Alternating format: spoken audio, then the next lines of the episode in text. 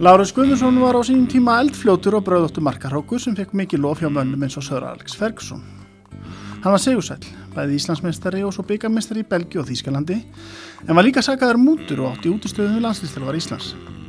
Þetta er miðjan, ég heiti Hafliði Breðfjörð og Lárus segi sögursinni í dag. Þátturinn í dag er í bóði bóðleðar. Með lausnum frá bóðleð er vinnustæðarinn þinn það sem þú ert. Fullkomna lausnir í fjárvinnu. Nánar er hægt að kynna sér málið á bóðalið.is.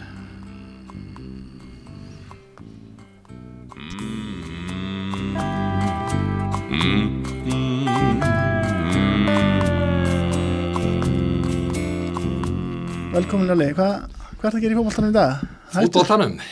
Ég er náttúrulega eh, búinn að vera að reka og þjálfa KFG 12 ár, félag sem ég bjóð til á sínu tíma og hérna stopnaði frá grunni í Garðabænum. Og, og byrju, ertu hættu það nú? Nú er ég hættur. Ákveði? Ég var bara búinn að fá nóga fótbolta. Eftir 12 ár, þjálfari, rútubilstjóri, búinn að keira um allar koppagrundir á Íslandi í liðsrútuna og síðan uh, reka félagið í erfið umhverfi mm. og markmiði hjá mér var alltaf í byrjun þegar ég stopnaði félagið að koma því aðra dild mm. og það hafðist eftir uh, mörg ár og síðan uh, var tímabilið erfitt það er dýrt að vera í annari dildinni og tímafrekt og mikið af ferðalögum og ég fann það bara síðasta höst að mér fannst ég ekki hafa neitt meira fram að færa. Stundu var ég í klefanum að uh, hérna, þusa eitthvað yfir leikmönnum og einri rödd saði mér, æ, þegiðu bara hættis og ef þú nennir ekki að hlusta á sjálfaði hvernig að leikmenn þá að nennaði og svo er þetta bara þannig að það fóru svona í þetta cirka 400 klukkutímar ári hjá mér bara að sinna þessu félagi mjög skemmtilegt, það er ekki nokkuð spurning og og sérstaklega ánægilegt að hafa búið til fótballtalið og náða að koma í svona í gegnum þessar neðri deildir og upp í aðra. Þannig að það er, það er hægt að gera einmislegt en svo þarf maður að þekkja sinu vitunar tíma og vita hvenar að tímur til að segja bara bless. En er þetta ekki að það tölvubúst og skipta þér hvað? Eh, ég, svona það eru mjög flottir strákar sem tóku við þessu. Björn og Kristján sem voru að þjálfa með mér tvíburabræðinir, þeir halda áfram að þjálfa þetta. Og svo gamli leikmenn Sindri og hérna Jón Benjamin eh, sjáum að stýra þessum með þeim. Þannig að þetta er bara skemmtilegt að sjá en auðvitað er maður svona veist á kantinum og fylgist með. Mm. maður gefur þetta ekki alveg frá sér Þú byrja að tala við um landslýtsferðin þú byrjar bara ungur árum að spila á móti grænlendingum og húsavík Já, já, já, sennilega er ég rétt nýjórin 18 ára þegar ég spilaði með fyrsta landsleik. Hvernig var þetta húsavík? Það var, það var svolítið sérstakt, þetta var held ég að voru til, minnir að hafa verið byrjun mæ, kallt og grænlendingar stíga sem fyrstu skref í boltanum. Þannig að þetta var svona það var svona æfingalegja bragur á þessu En þú skoraði? Já, ég skoraði, já, settu þetta marka mútið grænlendingum mm. það var skemmtilegt mm. Svo árið eftir þá er annar vinnenduleikur mútið nýgeri Já, það var nú aldeilis leikur til að munna eftir og ég held að enginn sem tók þátt í leiknum neð þeir sem mættu þarna þessi 20-30 mann sem mætti til að horfa á leikin mm. í brjáluðu veðra á lögadagsvelli 12 gömlu vinstuðum, grenjandi rigning og roki og ekki nokkur leið að spila fótballta en leikurum fór fram mm og nýgur ég menni þeir, ég man alltaf þegar þeir kom út á völlin þá gripuður svona utan að sjálfa sig og hérna, tókuð svona skjáltakast og skelli hlóðu þeir eru aldrei síðan svona aðstæður. Mm. Heldur þeir þetta út? Eða? Þeir heldur út leikin, já, já, en uh, ég held að leikunum hafi farið 3-0 með vinnið það. Og þú skoraði? Já, ég skoraði aftur. Svo, svo kemur eitthvað skrítið við þetta leikur, ég man náttúrulega ekki neitt eftir að sé þessu ungur, já, en næsti leiku þá var Íslandska landslega motið Manchester City. Já, það var, Manchester City kom til Íslands til þess að leika svona, svona einhverja síningaleiki og æfingaleiki mm. og hérna nú með ennska landslýsmarkmannin Joe Carrigan ef ég mann það rétt mm.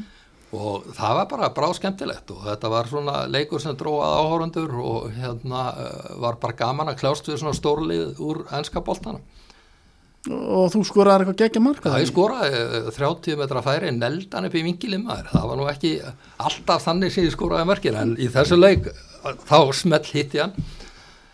Og hérna þótti manni þótti það að, hérna, sem svona ungu leikmanni að skora hjá Joke Corrigan það var eitthvað sem að svona fekk fyrir eh, svona aðeins hjartað með sko. Það var bara skemmtilegt. Og það er bara svona búst fyrir því að skora móti svona þekktu manni? Já, já, þetta var náttúrulega á þeim tíma þar sem að, þú veist, enski fótboltin var í svarkvítu sjónvarpinu og hérna uh, svona fréttir voru ekki eins svona sterkar á miðlunum og þú veist og maður sá þessa leikmenn sem voru í þessum ennsku liðum í hillingum mm.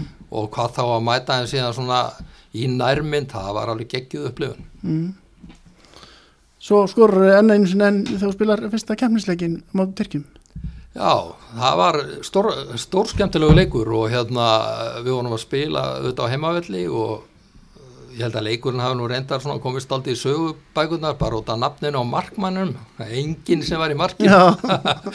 Mjög skemmtilegt nafn og hérna við, þetta var nú einna betri landsleikjunum á þeim tíma þú veist, íslenska landsliði var svona daldið svona tætt, það voru oft leikmenn sem fengi ekki frí frá félagslegunum Erlendis og, og þetta var svona, það var ekki sama umgjörðun og er í dag. Mm. og þessi leikur um Tyrkjum var hins vegar heilt yfir mjög vel spilaður og hérna við eh, unnum þrjú eftir mandar rétt og bara virkilega vel spilað okkar hálfu Tyrkir hafa alltaf reynst okkur góða mótri Já, það er bara þannig að þeir hafa eiginlega bara skilað okkur alltaf fullu húsi sko, mm. bara einhvern veginn leið fyrir okkur að spila motið Tyrkjum og, og við einhvern veginn verið sérstaklega mótíferaðir maður ólstuðu þetta upp við það að Tyrkjaráni hefði átt sér stað og, og Tyrkir hefði komið illa fram við að það hefði kannski blundaði undir meðvöndinni. Þú gæst ekki látið bjóða upp á það að það frettist að þú skóraði ekki leik þar sem enginn var í marka? Nei, það er akkurat þannig, það kom ekki annað til greina og hérna og ég ég slapp einn inn fyrir og svona, svona harfylgi með varnamannin hangandi í mér náða að skora og það var svona, veist, svona harfylgismark mm.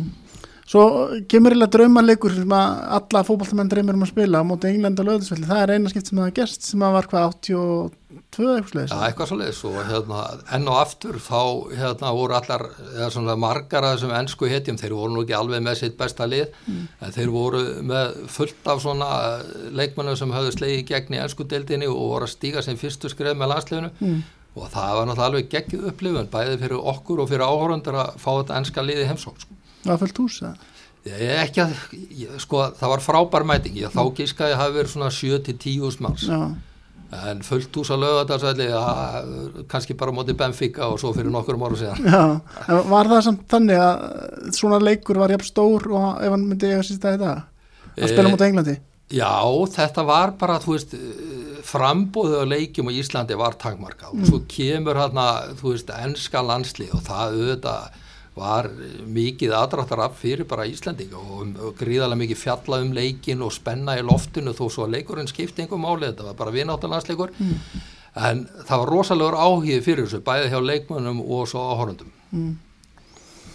85 84 tekur tónin napp við landsliðinu, þú spila bara eitt leikum hvað gerist til þarna? Já, það var aldrei svona merkilegt vegna þess að það mál hefði aldrei gerst í dag Já við spilum leik held ég í Skotlandi frekar en, nei, vorum að spila í Írlandi útileik já.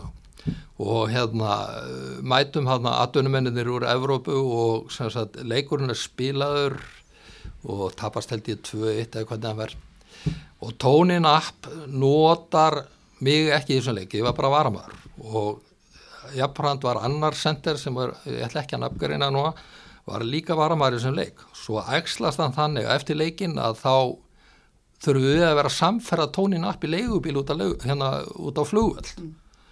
og í leigubílnum með svona hálftíma keirslað eitthvað þá spýr hann okkur, horfið svona aftur í hans að frammi og segir herru, ert þú til að mæta? og beinir orðu sínum að mér. Og ég, ég segi já, ég er alveg klárið næsta leik. Það var stutt í næsta leik. Og hérna ekkert veð sem er það. Og svo spyrir hann hinn leikmannin og sá var eitthvað svona ósáttur við að hafa ekki komið inn á í leiknum og svarar eitthvað á þá leið hann enn ekki að endilega að vera að fljúa svona langar flugferðir í leiki og sitja svo allan tíman á bekknum. Þannig að hann get ekki svaraði nema hvað, svo bara hérna, var þetta mál bara úr sögunni þanga til að tónin upp fyrir viðtal held ég á Bjarnafell í, hérna á Rúf þegar hann er komin heim og segja það að náttúrulega gangi ekki að hérna, Lárus hafi sagt að hann sé ekki til í að koma í leikin nema að sé örgum með að spila. Og þá vikslaði hann okkur hann að tveimur. Og hann setti þetta mál svona leiðilega fram eins og ég væri bara neikvæður og ekki tilbúin að gefa neitt að mér og, og væri með einhverja stjórnustæla og ég svaraði þessu fullum hálsi þetta væri náttúrulega rosalegt að, að þegar Bjarni fél ringdi svo í mig og tók síma viðtal við mig og ég sagði að þetta væri náttúrulega alveg galið að maðurinn vissi ekki eins og við hvaða leikmenn að vera að tala þegar hann væri að leita eftir því að þeir mættu í leiki og þú veist að þetta síndi bara amateurisma að hans hálfu og, og úr þessu var bara sko úr þessari sko litlu mýflugu var risastór kongul og, og var mikið umfjöldanræfni á þeim tíma og sitt síndist korum og menn svona eitthvað skiptist í fylkingar með og móti stóðu með tóni eða stóðu með mér og endan var þetta þannig að ég spilaði bara ekkert þessi fjögur ár sem að eftir komu þú veist, var, þetta, þetta sem gerist þarna var það ekki lagfært og þarna á þeim tíma var það bara held ég veikleikja stjórnar KSI sem að gera það verkum að þetta mál var ekki sjallað. Hvað gerir þú í að reyna að fótala? Ég, veist, samskiptin voru allt öðruðs á þeim tíma, þetta var allt miklu þingra og fór allt fram í gegnum síma og þú veist, og KSI var svona fjárvana batteri sem að hafði ekki þann styrk sem það hefur í dag. Þannig að umgjörðin og allt var í lamarsessi þannig að þetta mál bara dagaði uppi. Mm. og hérna ég misti hérna hellinga landsleikjum sem var hefði svona veðlar aðstæður spilað á þessum fjórum árum. Það er ekki fútlega Þú veist, maður hafði gríðalega metnað og þú veist, og ef einhver svona vó af manns æru og eins og tónin afgerði að hann, hann held í fram að ég hef ekki vilja að koma í landsleikin sem var algjörlega ránt og, og þar með var þessi kerkja á milli okkar sem einhvern veginn tókst ekki að laga mm. þetta er alltaf eldgamalt mál sko því mann er ekki smáadröðum en, en þetta allavega kostaði mig fjögur ára af landsleikja ferli sko mm. og það er þá ekki fyrir Siggi held vel, vel í liðið 88 Já, þá kem ég aftur og það var svona ég var svona búin að vera kljást við meðsli í mörg ár, það var svona óttalegur meðsla pjessi, náði nú sjaldan hérna heilu tímabilið á þess að vera með einhvern nýja vandræ þannig að sem sagt 88 var svona farið að síga á setni hlutan á mínu ferli. Mm. Og hvernig var Siggi held? Siggi held var bara flottur og svona fæglegu ná ekki, hann var bara svona atvinnumæri hugsun, hafði verið atvinnumæri sjálfur fór síðan í þjálfun og náði bara fínum árangri. Var eins og dæmigeru þjóðveri á þeim tíma uppfullur að aga og reglum og, og þú veist það var ekkit svigrum fyrir menn að vera með einhver svona já hvað maður segja fara á svig við reglur og þú veist þá voru með bara úti í hánum þannig að hann væri sjálfur sem bara fýtt þjálfari fyrir íslenska landslið eins og það var á þessum tíma. Landsliði byggði mikið á þjættum varnarleik, stórum og sterkum leikmannum hérna voru döglegir að skalla frá og sparka bóltanum langt í burtu þegar fengan og það var ekkit rosalega mikið spil þráttur í það voru við með fullta leikmannum sem gáttu að spila fótbolta. Mm. en bara áherslan var þannig að verja markið fyrst og fremst og fyrst og síðast og að vera sóknamari í íslenska landsleginu var ekkert öfundsvert hlutverk því að mestan tíman var maður að elda einhverja langspinnu fram völlin og, og það var alls ekki svona leikstíl sem hendaði mér. Þannig að ég svona eiginlega, ef ég ætti að skilgreina sjálfa mig þá var ég eiginlega svona tveir leikmenn. Þess að leikmari sem var svona í aðdurumöðsku í einhverju erlendu félagsliði og svo leikmari sem fór í íslenska landslið sem var ekkert líkur hinnum Mm. og stundum svona þegar ég hugsaði tilbaka þá skil ég ekki eiginlega hvernig, hvernig hversu mikil munur var að mér sem leikmanni með félagsliðinu mínu í Þýskalandi eða Belgíu eins og að vera svo með íslenska landsliðinu það var bara eins og það væri bara allt annað maður komin inn á völlin Varst það ekki gaman að koma í landsliðinu? Jú, það var rosalega gaman að hittast við náttúrulega hittum sjaldan þessi leikmenn þannig að þú veist íslensku leikmennur og þeir sem voru ellendis og það var rosalega góð stemning alltaf þegar að menn hittust mm. En við vorum alltaf svona í þessu underdogs uh, lítilu magna hlutverki og hérna það svona setti svolítið mark sitt á íslenska landsliði ég meina, ég, ég man eftir leik sem við spilum í Hollandi. Kvöldi áður á förstu eða laugati spilaði ég í belgísku dildinni rauk svo hérna bara út í bíl eftir leik og kerði hérna áleiðis inn í nóttina inn í Holland eitthvað í 2-3 tíma. Þetta var í norður Hollandi held í Gróningen og gisti svo einhverstur á leiðinni vaknaði svo um morgun og held áfram akstrinum kom á hérna liðshótelið íslenska og hitti leikmönna og svo spilum við leikum kvöldið. Mm. þetta myndir aldrei gerast í dag, Nei. myndir aldrei spila tvo leiki hérna í röð. Þetta betra skipula á sig Ég, þetta var bara þetta var virðingin fyrir almennt fyrir landslíðunum félagsliðin átti alltaf forgang mm. og það var ekkert verið að fresta landsleik eða, eða stilla landsleik út frá því hvar maður verið að spila í hérna deltónum í Evróp mm. og, og það að leika á förstudegi og svo aftur á lögadegi var alltaf algjörlega galið sko. mm. Þú voru samt rosa leikni sem spilaði með Ásker og Arnó og Guði Bergs og...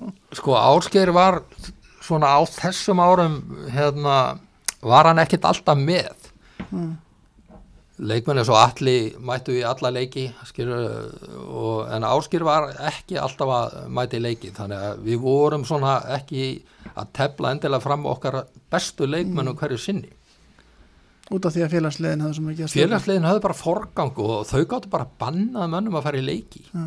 þau sögðu bara að þau ferði ekkit í hana landsleik og þá bara fóst ekkit mm. það var ekkit sem venda og alveg sama hvað þú eh, röflaður og töðar um að þau vildir spila landsleik en svona í flestum tilfellum var það þannig að þú móttir færi landsleikina en stundu komu bara leikir þar sem að e, félagsliðið átt að spila skömmu eftir landsleik mm. og þá var satt bara næja að þú ferð ekki Útskýri það kannski að þetta voru margi góðu leikmenn að af hverju landslið okkar þess tíma náðu ekki meira áhrif? Ég held að aðal ástæði fyrir því hafi bara einfallega verið að það var ekki nóg sterk umgjörð ah.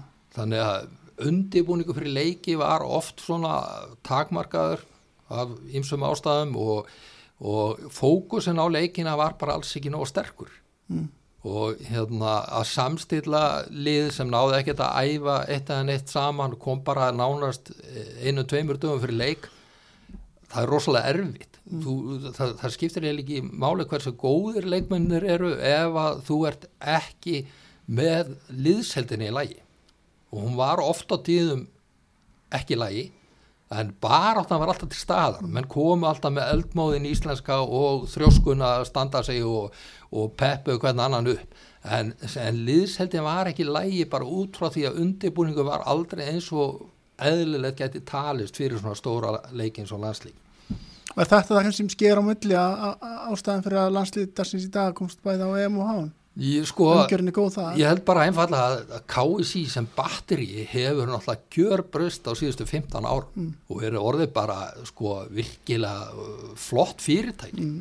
veist, reksturinn er hérna, í höndum fagmanna og fyrir mig sem er búin að vera í þessum fótbolta heimi í 40 ára eða meira að sjá bara þessa breytingu mm. veist, þetta er bara sko þetta er heimin og haf á milli þess sem var á þeim tíma þegar við vorum að spilja næstlegin mm. En snúum okkur að félagslega ferlinum fyrsti leikurinn var Vikingi 78 og 2.16 ára og þú og Arnur Guðjónsson í framleginni Já, það var held ég á móti fram það okay. við mann það rétt okay. svona leiki mannmaður að því að maður var auðvitað stíga sem fyrstu skref og svo var svona tölvört fjallað um þetta væru tveir framleginu menn hættar 16 ára gamleir að stíga sem fyrstu skref og þetta var náttúrulega gríðalegt stökk sko mm. þegar 16 ára að vera að spila í efstu deilt og þó svo að knallspunninu hafi farið fram á þessum áratugum þá var eftir sem áður var þetta hörku deilt á sínu tíma og fullt af flottum fótballtamönnum að spila hérna í íslensku deiltinni mm. Hvernig er leikmaður ástu? Wikipedia stendur og sést eldfljótur og bröðóttu mark, markakongur Já, ég held að þetta sé hérna nokkuð svona góð lýsing ég hérna var svona með svona triks þú veist, mm. let boltan fara með lappan á snýri með snögt og þú veist, var með svona brauð sem að hérna varnamenn átt erfitt með átt að sjá og var mjög fljótur mm. þannig að það hjálpaði allt saman og hérna uh, ég hreyfði mig mikið, ég var mikið á ferðinni svona á mínum yngri árum var alin upp í hérna frjálsýrata fjölskyttu og, og þar var mikið hlaupið og ég æfði frjálsa sem krakki sko. Þannig að hlaupa geta var til staðar.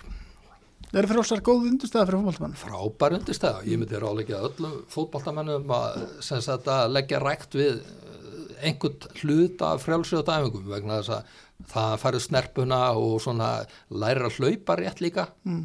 margir kunni ekki að hlaupa. Þegar maður horfður á sömu fótballtamenn þeir eru með hendurnar út um allt og, og sagt, mynda eiginlega mótvægi við sem sagt, hlaupaleðina og, og ná ekki þeirri þeir annars getum náðu að þeir væru rétt þjálfaðir svona út frá frjálsýrjóta sjónamöðunum Mm.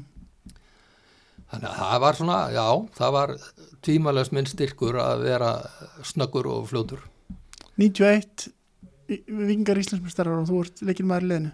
81 81 segja Af já, þá hérna voru við búinir að vera með rúsneska þjálfara sem kendi okkur svona meiri aga og, og meiri hérna einbyttingun á villinum, fyrst kom Júri Ilitsev Mm. sem var nú hérna mjög flottur þjálfari og, og síðan í kjölfari kom Júri Seto sem var líka frábæri þjálfari. Og þarna lærði maður ótrúlega mikið. Mm. rúsneska svona kerfið kom inn í íslenska fótboltan og allt í hennu var til miklu meiri ægi og miklu meiri regla Mm. og þessi menn hafðu skap þú veist, þeir letu mann heyra það og þú veist, maður komst ekki upp með neitt svona fúsk og varst að mæta æfingar og leggja það 100% fram og þarna telja að við höfum svona, þú veist, stíi skref frá þessum ennsku þjálfurum sem höfðu alltaf verið á Íslandi, þá var þetta mesta framfara skrifið í þjálfun þarna á þessum tíma að fá þessa rústnesku akademíu inn í íslenska fótboltan.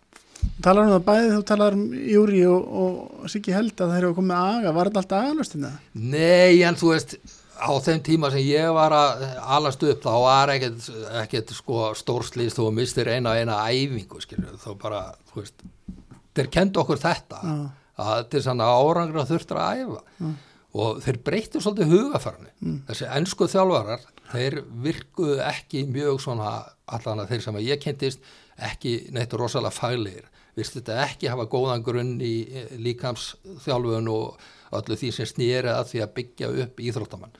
Þannig að maður sá svona svolítið bræin á því að þetta væri kannski einhverju neðridilda þjálfarar í Englandi sem komu til Íslands að þeir fengu enga vinnu þar við þjálfun. Tímbilega 81 þegar þeir að vinna titilin næst síðasti leikur er stórleikur móti IBF í eigum eða ekki? Jú, jú. Var það ekki ykkur úslita leikur Ef að það var, eh, sko, Nánast. ef að IBF hefði unnið þann leik þá hefðu við sennilega mistað titlunum. Já. En þetta var slagur millir tveggja svona öflugur að liða, þú veist, frábæri leikmenn í báðum liðum og á þeim tíma voru versmanningar bara ræktuð úrvalsknarspunumenn. Mm. Það var bara ótrúlegt hvað þessi litla eiga gætt framleitt af flottu fótboltamennum og við fórum í mjög erfiða leikann út í eigum og sem sagt eftir eh, bara 20 minna leik þá er heimi Karls reikin út af. Mm. og við vorum sem sagt í stöðinni 0-0 einum færri. Já. og hérna sem sagt enduðum samt á því að vinna leikin og ég skoraði hérna 2-1 mark skömmu fyrir leikslokk og það eiginlega triði okkur titilin sko. Svo áttu við eh, síðasti leikurinn í dildinni var heimaleikur um átti káur og það var mjög eftirminnilegur líka. Það var velumætt á völlin á þessum tíma. Rúmlega þrjúðus manns mættir í lögadalinn og mest vikingar káuringa voru búin að vera í fallbaróttu þarna á þessum tíma og voru svona kannski ekki eins sterkir og þeir eru í dag. Og þú skorar í sem hvað var? Já, skoraði maður. Úrslita leiknum eða síðasta leiknum, það var ekkit annað hægt. Nei. lagði upp eitt og skoraði eitt, það var alveg Var þetta ekki tröfli stemning? að- það var hans rosaleg stemning og eh, sko vikingar höfðu ekki árið Íslandsmeistari 57 ár Já. skilur við, það er ekki smá tími skilur Mm. og allt í hennu var titillinn komin í hérna, hæðagarðin eins og það hétt á þeim tíma, þá var það ekki fórsvöðurinn Mm.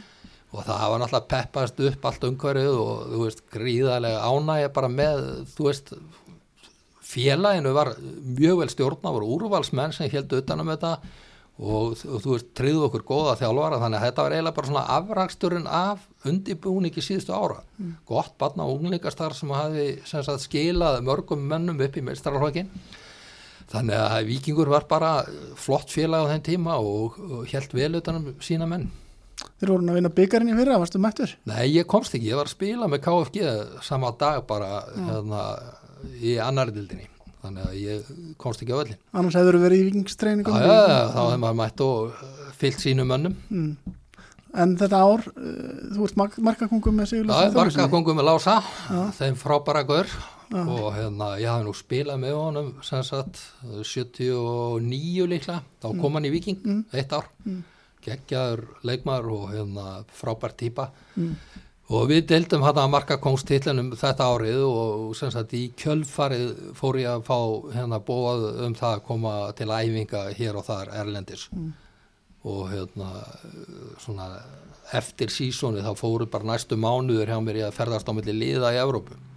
þú veist næst í farin til Middlesbrough segjum maður frá því Já, ég hérna sem sagt fekk bóðum að koma til hérna æfinga í Millisboró Já. og hérna svo vildi svo óheppilega til að þegar ég mæti hérna, ég var átt að vera hérna í viku, það var aðal þjálfarinn veikur, það fengi botlangakast og var skorinn og var bara frá æfingum. Þannig að ég var að æfa hérna undir stjórn hérna aðstofað þjálfarans og, og sagt þeim leist vel á mig þannig að ég fór heim eftir vikuna og þá var vita að alveg þjálfari myndi hérna mæta aftur og var svona bóðar aftur út í tíu daga og ég fór til Íslandsmar og sótti kærustra sem að henni var bóðið með mér út líka. Og hérna sem var reyndar þá var þetta kærasta en nú er þetta eiginkona. Jæja.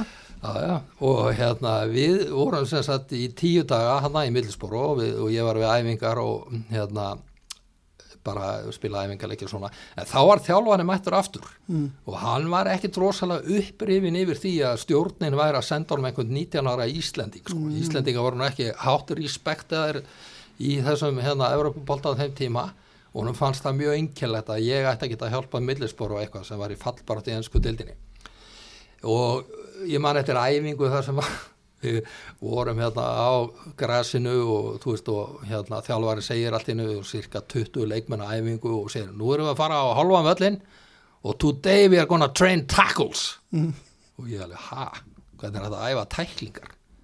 Og síðan var bara 20 leikmenn og spilaði á halvan völli og menn bara tæklu út um allan hennar halva völl í klukkutíma en á einhverjum tímabóndi þá allt í hennu flautar þjálfarinn í hérna flautuna og stoppar æfinguna öskrar svo á mig þar sem ég stendi eitthvað starf álenda hey you fucking Icelander today we are training tackles. Are you from the fucking moon or what are og, og, og þá fannst honum ég ekki vera nóg aktífur í tæklingunum sko. Og hérna og svo enda það bara þannig að þeim hérna, þeir töldu ekki að ég væri svo maður sem myndi hjálpaði mig í þessari botbaróttu eða þjálfarinn taldi það ekki og þar með var því ævintýri lokin smá vonusíkin Nei, mér leist ekkit rosalega vel á þetta hann í Milsborg. Ok. Þetta var ekki fótbolti sem hendaði mér. Eh, Þetta var rosalega mikið um kýlingar og, og svona, þú veist, en þe- þeir tóku rosalega vel á móti mér og hérna leikmennir voru algjörlega, sko, bara mynduðu svona ringi kringum mig og tóku mig með í allt og þú veist, voru rosalega almennir. Já. Það, stendur eftir í minningur, hvað leikmennir voru uh, svona góðir við hennan íslenska strák, sko. heimsóttur er svo fyllt að öðrum klubum Já, svo fór ég bara í smá ferðalega um Európu og hérna fór næst í Beverin í Belgíu Mm. og þar var nú svona hörku klubbar á þeim tíma og, og hérna margir belgíski landslismenn og þar á meðal Jean-Marie Paff hann belgíski landslismarkmaður sem var nú algjör fígúra á þeim tíma og svona alltaf eitthvað leikrit í kringum hann. Er samt skemmtileg típa kynntist hún síðan meir í Þýskalandi sko.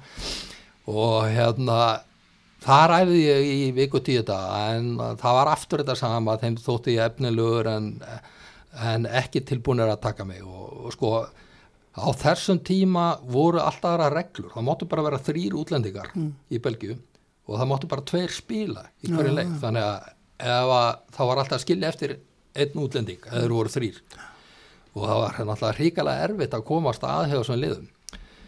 Og niðursta var svo að þeim stóti ég svona enn og ungur og ekki líklegur til þess að hjálpa þeim.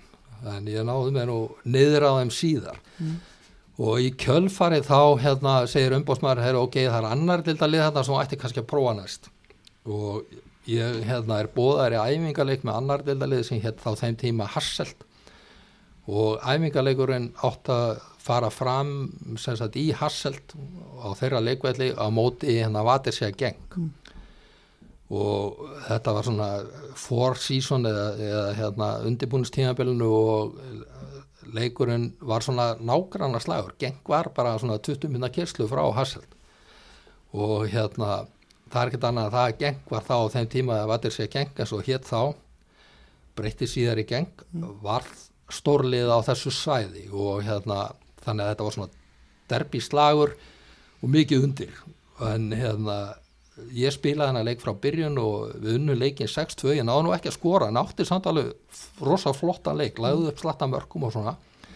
Og í kjölfarið þá var mér bóði til reynslu í geng Hilluðu staðar í þessum leik.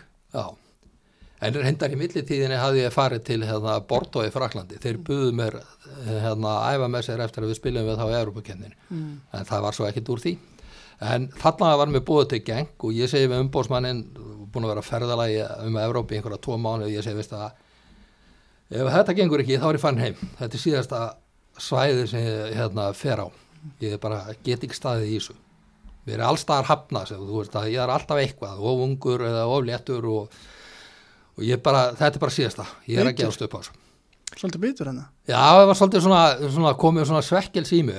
Var, þú veist búin að hæpast eða búin að hérna, fjalla mikið um á Íslandi og þú veist, eiginlega tali borlegjandi og maður fór með rosa vendingar út, held að væri ekkit mál að komast í þess aðtunum ösku, það sem kom náttúrulega auðvitað að ná daginn, þetta var náttúrulega heljar mál því að liðin voru bundin af þeim klafa að megi ekki vera með omarga útlendinga.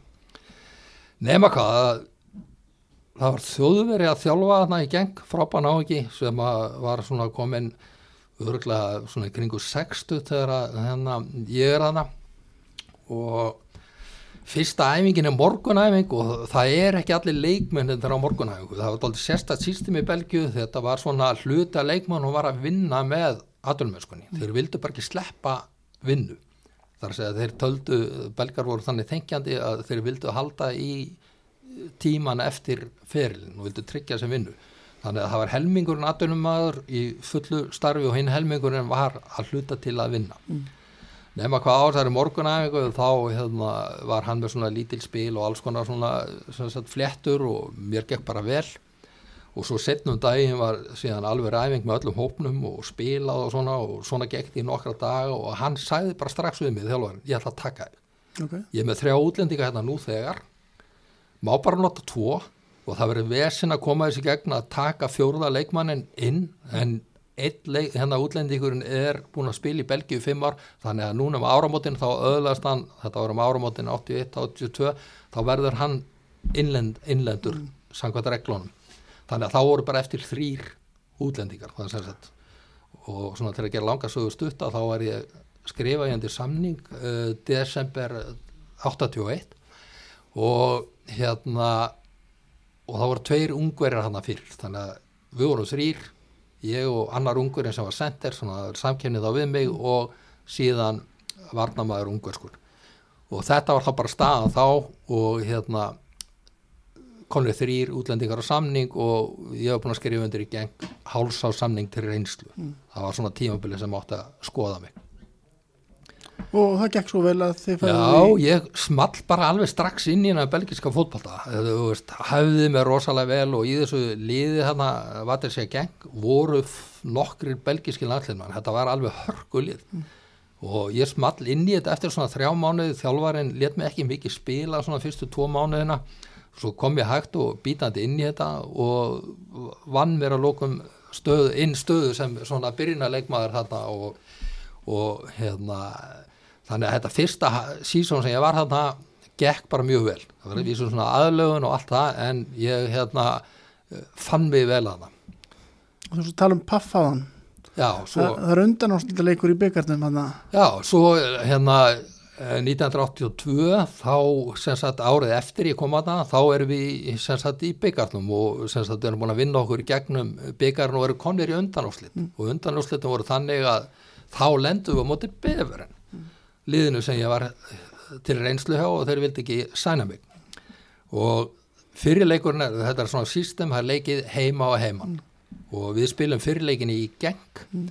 og hérna vinnum 1-0 og ég skora markið mm. eh, viku setna er svo leikur í beverinn brjáluð grifja þar sko, alveg eitt að sko á þeim tíma var Beverin eitt af stóru leðanum í Belgíu og hérna sem sagt leikurinn byrjar og ég skora fljótlega 1-0 þeir jafna 1-1 og hérna svo skora þeir 2-1 og ég jafna 2-2 og hérna rétt fyrir leikslú skora þeir 3-2 en við vorum með sagt, þannig að leikurinn endaði 3-2 og við vorum þar með konir áfram og útifalla mm. mörkunum nema ég rétt sagt, þegar stutt var eftir að leiknum mm.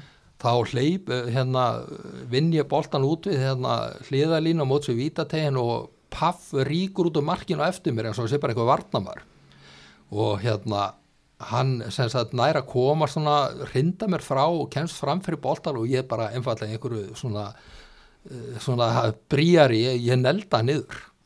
Bara þú veist, hann rindi mér og ég bara ósælu á viðbröð, ég nelda niður og fekk röðspjald mm. sem þýtti það eins og sístemi hefði verið í dag þá hefði ég verið í leikbanni í úslítalinn mm.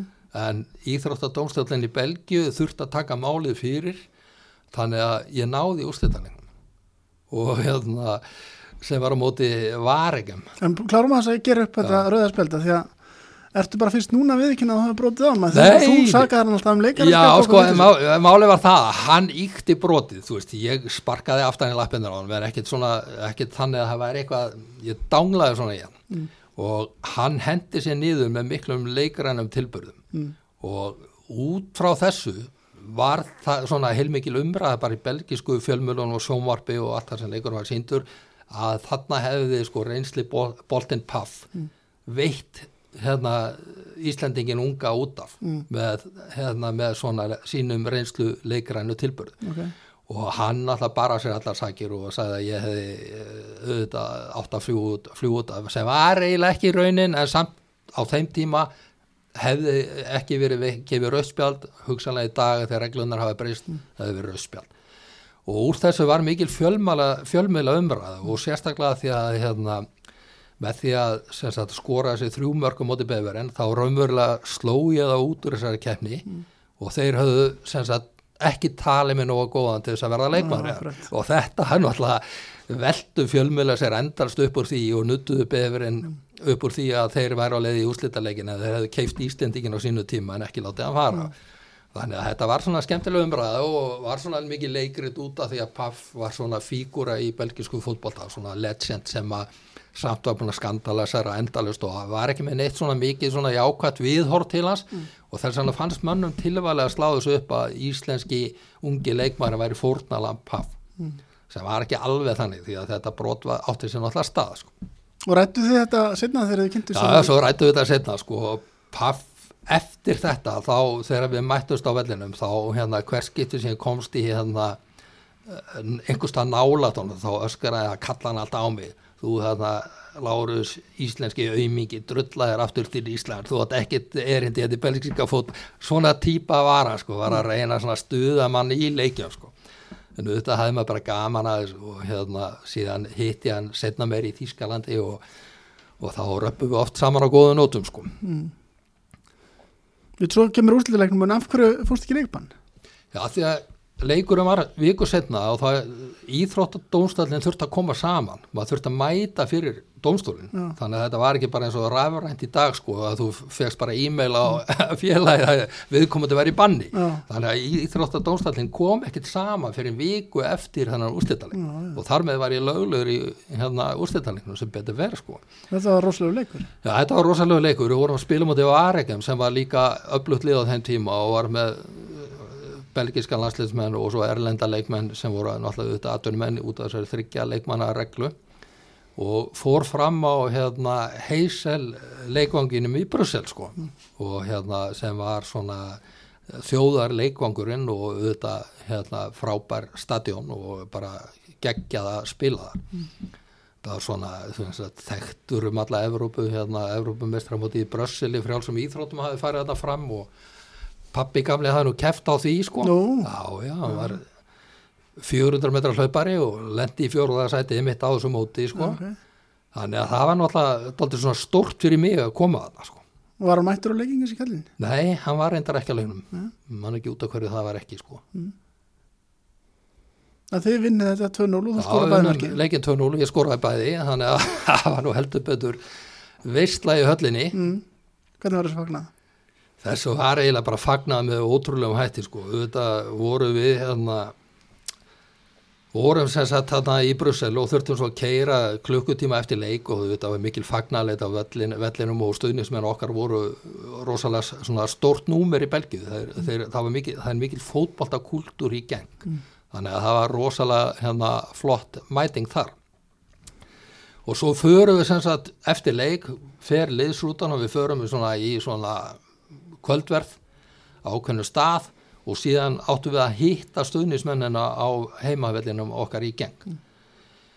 Og hérna það var svona, svona stór veitingasalur þar og leikmennir sagt tínast þar inn einn af öðrum og svo þegar ég kem í salin, salin að þá er einfallega trillist allt mm. og liðið sem sagt bara berst svona, það voru 400-500 manns þarna og kemur þarna inn salin tilkynningum að ég sé mættur og þá byrja liðið bara að nálgast mér, vildi allir fá eiginhandar orði og allt í hennu bara á einhverju svona mómenti var þetta múksefin mm.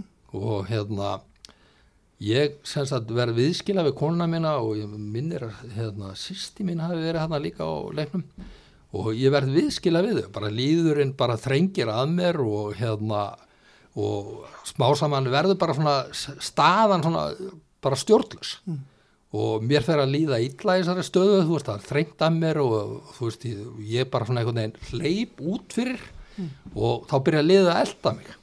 Og það, það bara þú veist það var bara svona einhver trillingur í gangi og liðið búið að vera að drekka hann í marga tíma og bara þetta var svona stjórnlust ástand. Þannig að ég bara tek sprettinn út á götu og er svona með 20 metra forskot á liðið það var nú fljótar en þeirra að hlaupa.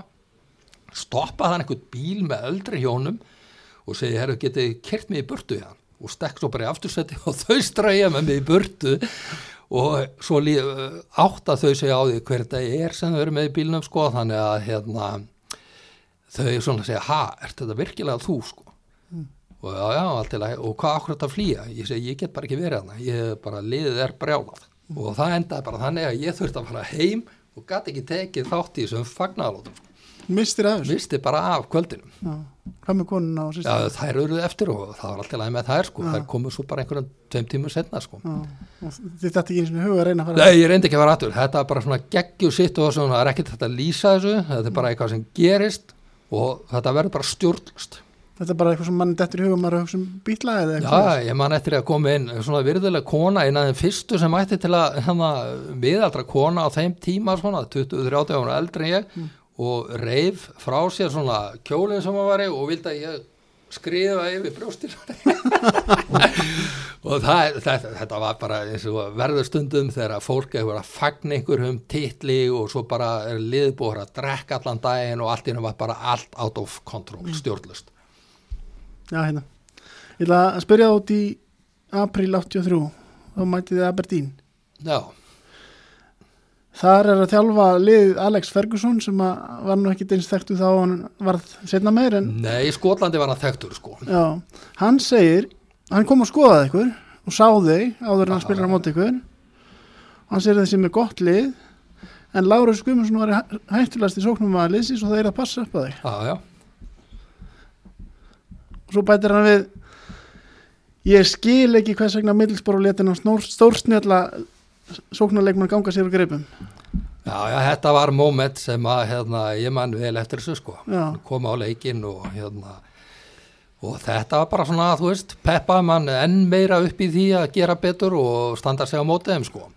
En við vorum svolítið óhefnir í viðregninu við Aberdeen. Aberdeen var stórlega þessum tíma. Mm. Og Alex Ferguson eins og honum var einum lægið, hann náði að ég ætti ekki að segja að hann hafi gert kjúklingasalat og kjúklingaskít en hann náði að byggja upp alveg ótrúlega öflugt liðan í Aberdeen með fullta góðan leikmannum og við mættum þeim á fyrst á heimavelli og hérna unnu leikin 1-0 og ég náðu nú reyndar ekki að skora í þeim leik. Og einn af þessum fáum Evrópuleikin sem ég skoraði ekki mm. og í kjölfarið þá förum við til Aberdeen og þá gerist það í millitíðin að báðir hafsendarnir okkar meiðast. Og við vorum sem sagt ekki með brey, mikla breytt í vörninni þannig að þetta var alveg virkilegt svona áfall fyrir liðið. Og í Aberdeen áttu við raunverulega ekki möguleika og töpum leiknum 5-2 og hérna var bara svona, þetta var svona einn af þessum leikum þar sem að bara hitti ítla á ástandi á liðinu hjá okkur og við gátum ekki veitt á keppni sem við hefðum annars veittum og töpum leiknum 5-2 og þeir fóru áfram.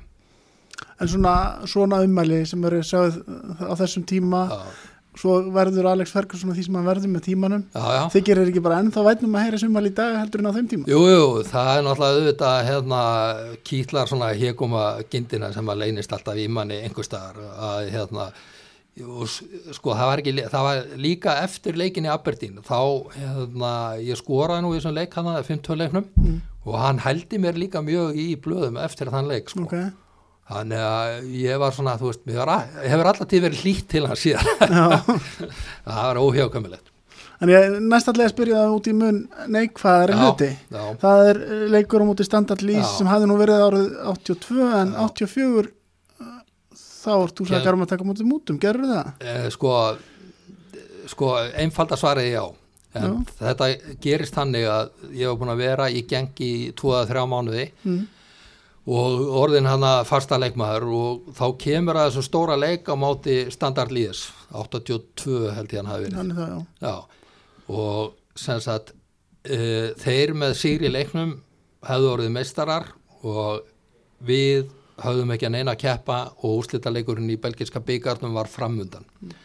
Uh, ég var sem sagt hérna, ekki talandi á belgiska tungu þá eða flæmsku, eins og málið heitir. Og það atvikast hann að bróðir eins leikmann sem sé okkur var að spila í Lies, hérna Gerard Plessers. Og síðan var sem sagt einna leikmannum hjá okkur var besti vinur Erik Gerrits fyrirlega standard einhverjum punkti sammæltist þannig ákveðin grúpa innan okkar liðs og ákveðin grúpa innan þeirra liðs um það að eh, sem sagt bónusendar sem, sem fylgdu því að sigra leiki að þeir myndu greiða þá bónusa til okkar. Þar að segja, þeirra bónus fyrir að vinna leikin færi til okkar og gegn því yrði staðan þannig að við myndum ekki leika til sígus í þessum leik ég var aldrei upplýstur um málið vegna þess að þeim þótti engin ástæða til þess að vera fræða einhvern 20 ára Íslending um það að það væri planið að vinna ekki hennar leik. Nema hvað, að svo hérna hefst þessi leikur. 40.000 áhórundar hérna í Líes brjálu stemning, heyrðist ekki mannsins málin á vellinum. Og ég var hérna í mjög góðum gýri þessum leik og slepp fljótlega í gegn innan vítatex, komið svona cirka á vítapontin einn á móti markmanni því ég þrjumaður niður aftafrá og dómarinn dæmdi ekki víti. Og þá var náttúrulega augljóst að dómarinn hafið einhverja hagsmun að geta þessu því að það var óhjákvæmilegt að dæma víti. Og svo þróast leikunni bara þannig að hérna, ég held áfram að skapa uslaðan í vörstandard og sem sagt í hálfleik þá kom það mér mjög óvart þegar að fyrirliðin segir við þjálfvaran það er svona hálfleiks samtalið og fyrirlið okkar segir við þjálfvaran herru, þjálfvar er ekki viti að taka Lárus út af? Ég held að staðan hafi verið 0-0 eða 1-0 í hálfleik. Við hefum hérna byggar lúslita leikin framöndan og hann er eins og skrattin hann út um allan völl sko, ef ekki bara kvílan þjálfvarin var ekki til í það þannig að ég fór bara út í seinni hálfleikin. En það vissi þjálfvarin ekkert um það sem hafi gengið, uh, gerst á baku tjöldin nema hvað að við töpum svo leiknum sem við höfum allan daginn tapakortið er því að þeir voru bara gríðalega sterkir hann á heimavelli og, og, og það var svona miklu meira í húi heldur en hjá okkur sko. Nema hvað að einhverjum tíma setna þá kemur bara upp úr kafinu að þarna fóru greiðslur á milli manna. Að standard líðis hafi borgað okkur eða vatir sér geng bónusa fyrir það að vinna ekki þennan leik. Og þetta uh, varð stórmál í Belgíu og uh, sem sagt leikmenn beggjaliði voru fluttir til Brussel og uh, við hérna, þurftum að gangi í gegnum yfirherslur hjá hérna, kriminal polizei í Brussel. Og þetta var bara meðhöndlað sko eins og bara glæpamál sem þetta eru þetta. Mútumál eru eh, náttúrulega bara svífirning við íþróttina. Og sem sagt í þessum yfirheyslum þá skildi ég ekki flæmskuna á þeim tíðanpóndi mm. þannig ég fekk betri meðhöndlun heldur um belgisku leikmyndir veginn að yfirheyslan fór fram á ennsku svo sem yfirheyrið mig var ekkert sleipur í ennskunni þannig að ég var bara svona eins og í okkar spjalli hérna. Mm. og svona til að gera langa sögu stutta og fjallu strángir dómar í þessu máli. Ég ásand einu með tveimur öðrum vorum síknaðir mm en hérna aðrir leikmenn bæði leikmenn standard og leikmenn sé, geng, og margir belgiskinn aðstæðmenn fengu þunga dóma mm. og voru dæmdir í einstu tvekkjára keppnisbann okay. og máttu hverki spila í Evrópu á þeim tíma sem að keppnisbannið gildi, gildi fyrir utan Evrópu, mm. neði fyrir utan Belgíu líka þannig að eftir það var eiginlega sem sagt þegar þetta gerist þá rínur svolítið svona hérna, hvað er sér genglið misti alla sína bestu menni leikbann og í kjölfari var ég seldur til Þýskamas. Hafði samt verið á leðinni til standard lýs eða ekki? Já, það var sem sagt ég tók fund með þeim þeir vildu kaupa mig en út frá þessum öllum þessum málum þá uh, bara leist mér ekkert á það og ákvað fara til Þýskamas. Eftir þetta mútum alls? Já. Já og ég vildi bara fara út úr þessu umhverfi Já. þetta var mjög skrítið í kjölfarið þú veist við heldum áfram að spila hann að nokkur tímabilið var ekki búið sko, við heldum áfram að spila þessi sem voru síknaðir, hini voru settir í leikbann og mistu raunverulega starfið sitt og það var rosalega svona þung stemning þarna á þessum tímapunkti mm. í Belgiu bara almennt og mm. sérstaklega þarna okkar svæði sko. Já. Þá var það bara bæjaröndingin, er ekki allir aðvans þar þegar þú kemur? Nei, nei, nei, allir aðvans var þá í Dússeldorf og hérna eh, ég er seldur fyrir metu upp að sem sagt frá hérna geng mm. til hérna bæjar Urdinga sem var stór, stórt uppkomandi mm. lið í Þýskalandi, sponsor á það bæjar Livja fabrikunni ja. og það var náttúrulega bara sko geggjað að komast ángað því að þá fór maður inn í sko umkörið þar sem var 100% fagmennska og hérna ótrúlega þauðverðarnir á þeim tíma verðs að þeir voru ótrúlega miklir atvinnumenn og það var sko, fullkomlega hugsað um leikmenn og sko passað upp og mann vant ekki eitt eða neitt, neitt af einu eða neinu og mér er þess að hérna að því ég var íslendingur þá þurfti ég að taka þýst bílbró og því var bara rettað mm. það var bara að fara fram hjá kerfin og, og, og þú veist, ég þurfti ekki að fara gegnum neinn bílbró, bara fekk ja. skýrtinni á þýsku sko Lúksus að vera fókbaltamæð? Já, það voru forréttindi Já, og hvernig gekk hann? Það, sko, þetta var akkurat lið sem að hendaði mér mm. lið sem að spilaði sem sagt, sterkan varnarleik en var með leikmenn sem að sem sagt, gáttu kyrta á skindisóknum mm. og ég var svona öflugur skindisóknar leikmaður og fjall alveg strax bara inn í kerfið þarna og sagt, þjálfarinn var frábær Karl Heinz Felgand sem svona, var svona legend í Þískalandi og hefða mjög viðkendu þjálfari mm og hann, ég læriði margt af honum og uh, þjóður er svo vinnusamir og æfingar voru gríðalega erfiðar og uh, það sem sagt líkanlegt álæg var þarna miklu meira heldur enn í Belgíu. Þannig að svona, fór svona úr svona fjölskylduvænu umhverfi í Belgíu yfir í fullkomið professional aðtölumanna umhverfi í Þískanlandi mm. gríðalega mikil munur þar á og verður byggamestari þar líka. Já, já verður fljótlega byggamestari þar og hérna þar sem sagt fóru við gegnum undakefni og sem sagt slóum út meðal annars eh, Rúti Föller og félagi verði Bremen mm. í áttalega úrslitum. Það var mm. alveg rosaleikur og heimavillig okkar þar sem að ég skoraði sem sagt sigumarkið á á bara einhvers þar 8000 mínútu skoraði, ég gleymi aldrei þessu marki. Ég lág í jörðin eftir samstöðu við Vardamann og náði sagt, að skora liggjandi, náði að negla bóttanum inn liggjandi og hérna og þetta rosa hérna, stemning og uppselt á völlin og, sagt, og sagt, við vorum enná aftur svona lítil magnin í þessu leik, ég held að allir að Rúti Föllur og félagar í Bremen myndu vinna þetta. Mm. en við hérna unnum þennan leik og svo komust við gegnum eitthvað annar lið sem við mættum svo í fjæralega úrslitum og komum svo í úrslitalega moti bæja munn hér á hérna olimpíuleikvanginum í munn hér sem sagt í Berlín fyrir ekki, í Berlín, já. Já. Hvernig var það? það var náttúrulega algjörlega uník vegna þess að þetta var sami völlur, óbreyttur frá því á olimpíuleikonum 1936 Mm.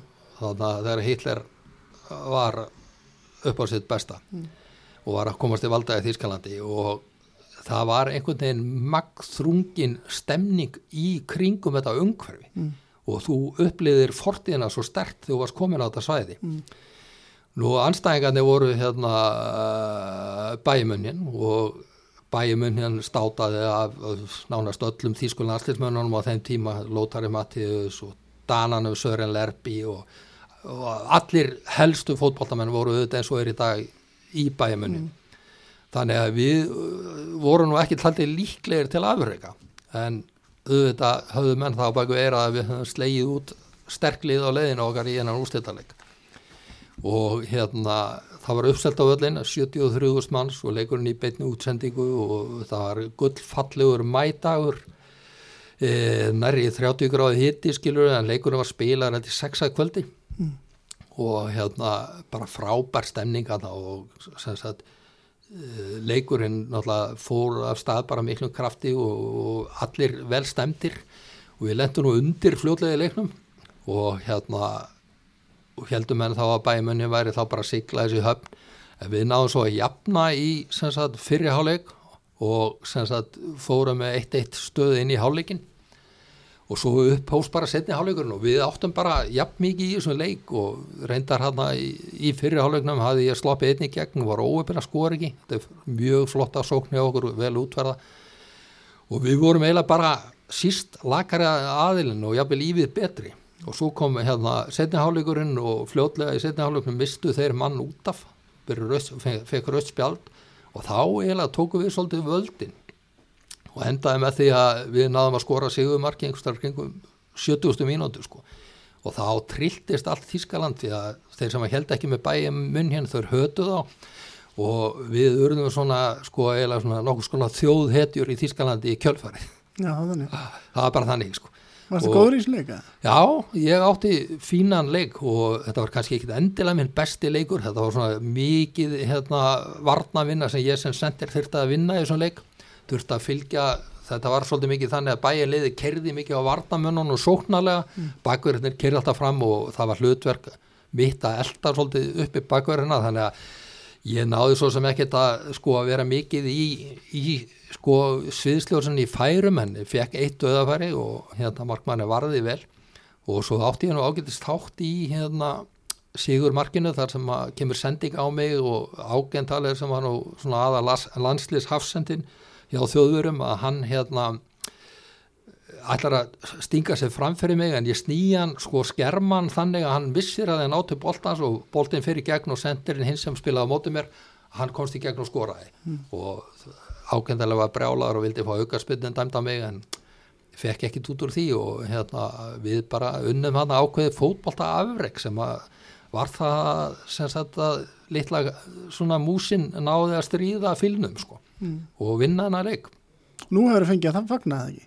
Hvað þeir eru? Nú hefur þið fengið að fagna Já, já, já það? það var bara geggjað, þú veist, við fórum og hérna, náttúrulega kerðum með liðsrútinu okkar sem var mert öll bæjar urðingan, var svona eins og rútur í dag, tvekja, eða svona stór og mikil rúta og, og öll mert bæjar urðingan og við kerðum í gegnum aðal sem sagt götuna í Berlín og það voru 2000 manna bara að skemmta sér og löða því og þegar við keirum niður götuna þá stóð allt liðu upp og klappaði og þetta var að, sko alveg mögnuðu upplifun sko.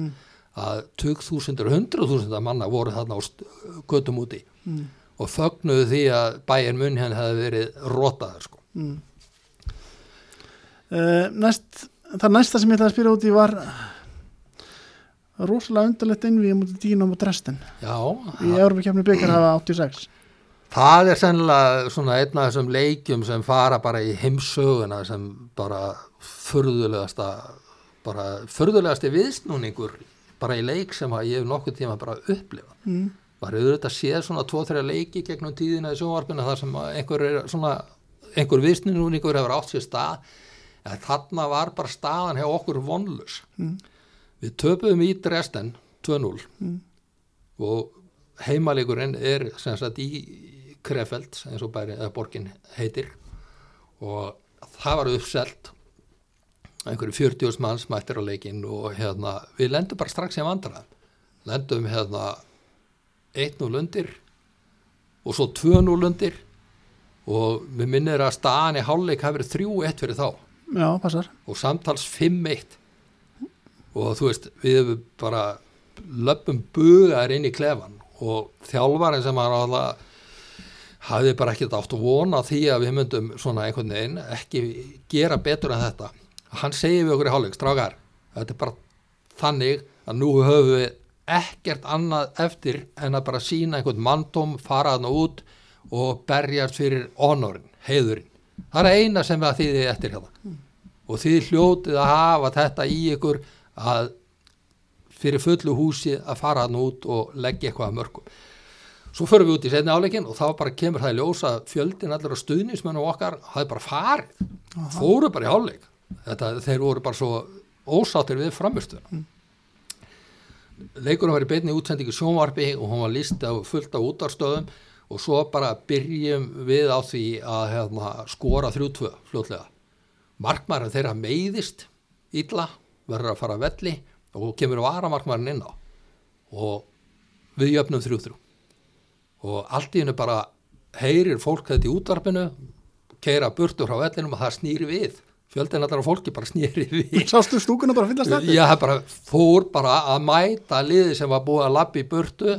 Það bara snýri við og mætir á völlin aftur sem lítur náttúrulega að vera bara einstakt í svona Európa-genni og síðan bara bara brotnar dýnum á drestin liðin gjörsanlega niður mm. og hérna við bara söllum en mörgum og endum á því að vinna leikin 7-3, mm. komnir áfram Og þú skoraðir? Já, ég skoraði, jöfnunumarki Og áttu svolítið gott með að spila í örmukefni og þú skoraði fullt af örmur Já, ég hérna Evrópu hérna leikir og byggarleikir, þetta voru svona mín moment Já. og hérna sennilega alltaf verið leikið í flóðulegusum það hefur gætna verið sagt um mig að ég hef spilað spila besti í flóðulegusum það var svona brandari. Mm. en hérna ég átti einhvern veginn svona þessi moment, það var einhver stemning sem að var sem að heitlaði mig og, og Evrópuleikir og byggarleikir voru svona þeir leikir sem ég átti hvað svona besta leiki. Mm. og spilaði leik best bara einfalla í þessum leikum vissulega skora ég alveg í deildinu og allt það en einhvern veginn stemningin í kringum með það átti svo vel við mig. Hvað var þetta ykkur tíu Európumörk? Nýja tíu Európumörk í einhverju 17 leikum 16-17 leikum Áttir með lengi vel að það ekki sem markaðast íslensku var, Já, ég, nei, það ég með það er nú fullt af íslensku leikmönnum sem var að spila einhverju 40-50 Európuleiki sko. en hlutvarslega held ég nú hafi skorað mest íslendinga allavega. En ég var markaðastur eða sem sagt ég var næst markaðastur í Európukenninni 83 mm og skoraði þá 6 mörg í 6 leikjum sko. Það var svolítið Veistu hver árið það er? Það var einhver spánveri, spánskur landstæðismæður sem spilaði með Real Madrid Já.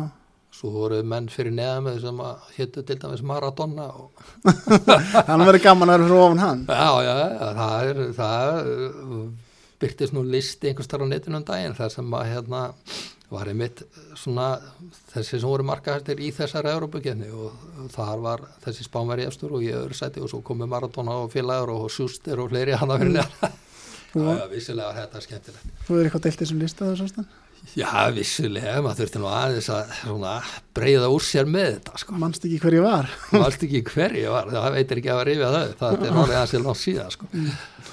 En þá farðu 87 til Kæsinsláten Já, það voru eiginlega stærstu mistöki sem ég gerði á ferðinum. Ég var búin að klíma lengi við nýjameðsli hérna í Ördingan og hérna var svona, þú veist, eiginlega bara orðin svolítið þreytur á sjálfum mér.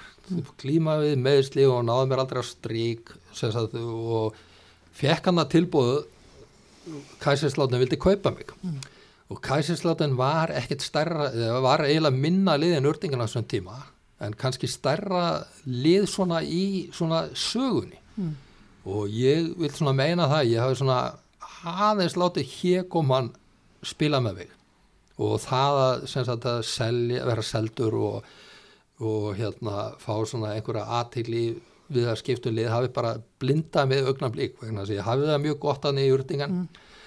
og sem sagt var virtur þar sem leikmaður og hérna það var e- engin ástæði fyrir mig til að stíga þetta skref. Þetta, þetta var lélega ákvörðun að minni hálfu svona eftir á að higgja og í Urdinga var ég auðvitað að spila með Alla sem að hafði nú sem sagt, komið til Urdingen ég hef búin að vera eitt ár í Urdingen þegar hann kom yfir, hann var í Dusseldorf Já, það þannig, og það var þannig og, og bara einfallega frábært að vera með honum í liði.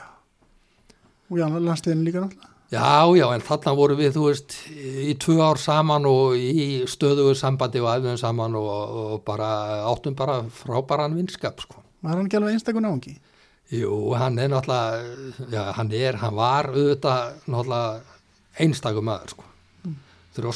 Þrjóskasti maður sem að, sem sagt, þau eru gengið á jörðinni, sko. Mm. Og jáfnframt, þú veist, svo mikill félagi, sko. Mm. Veist, það var svo hérna, gott að vera með hann. Við vorum tveir útlendingar hann í Urdingen og það þýttu þetta restin var þauðverjar og þú veist það var svo mikil stuðningur að því að vera með svona nága sem var nokkur árum eldra en ég. Mm. hafið svona gengið í gegnum félagskipti millir landa og var semst að búin að vera í Dortmund og Dusseldorf og, og svona reynslunni ríkari. Og hann stutti mig alveg óendalega mikið sko. Mm. En hjá Kæsinsláturinn var líka allt í ruggli það var, það var allt í ruggli þar maður.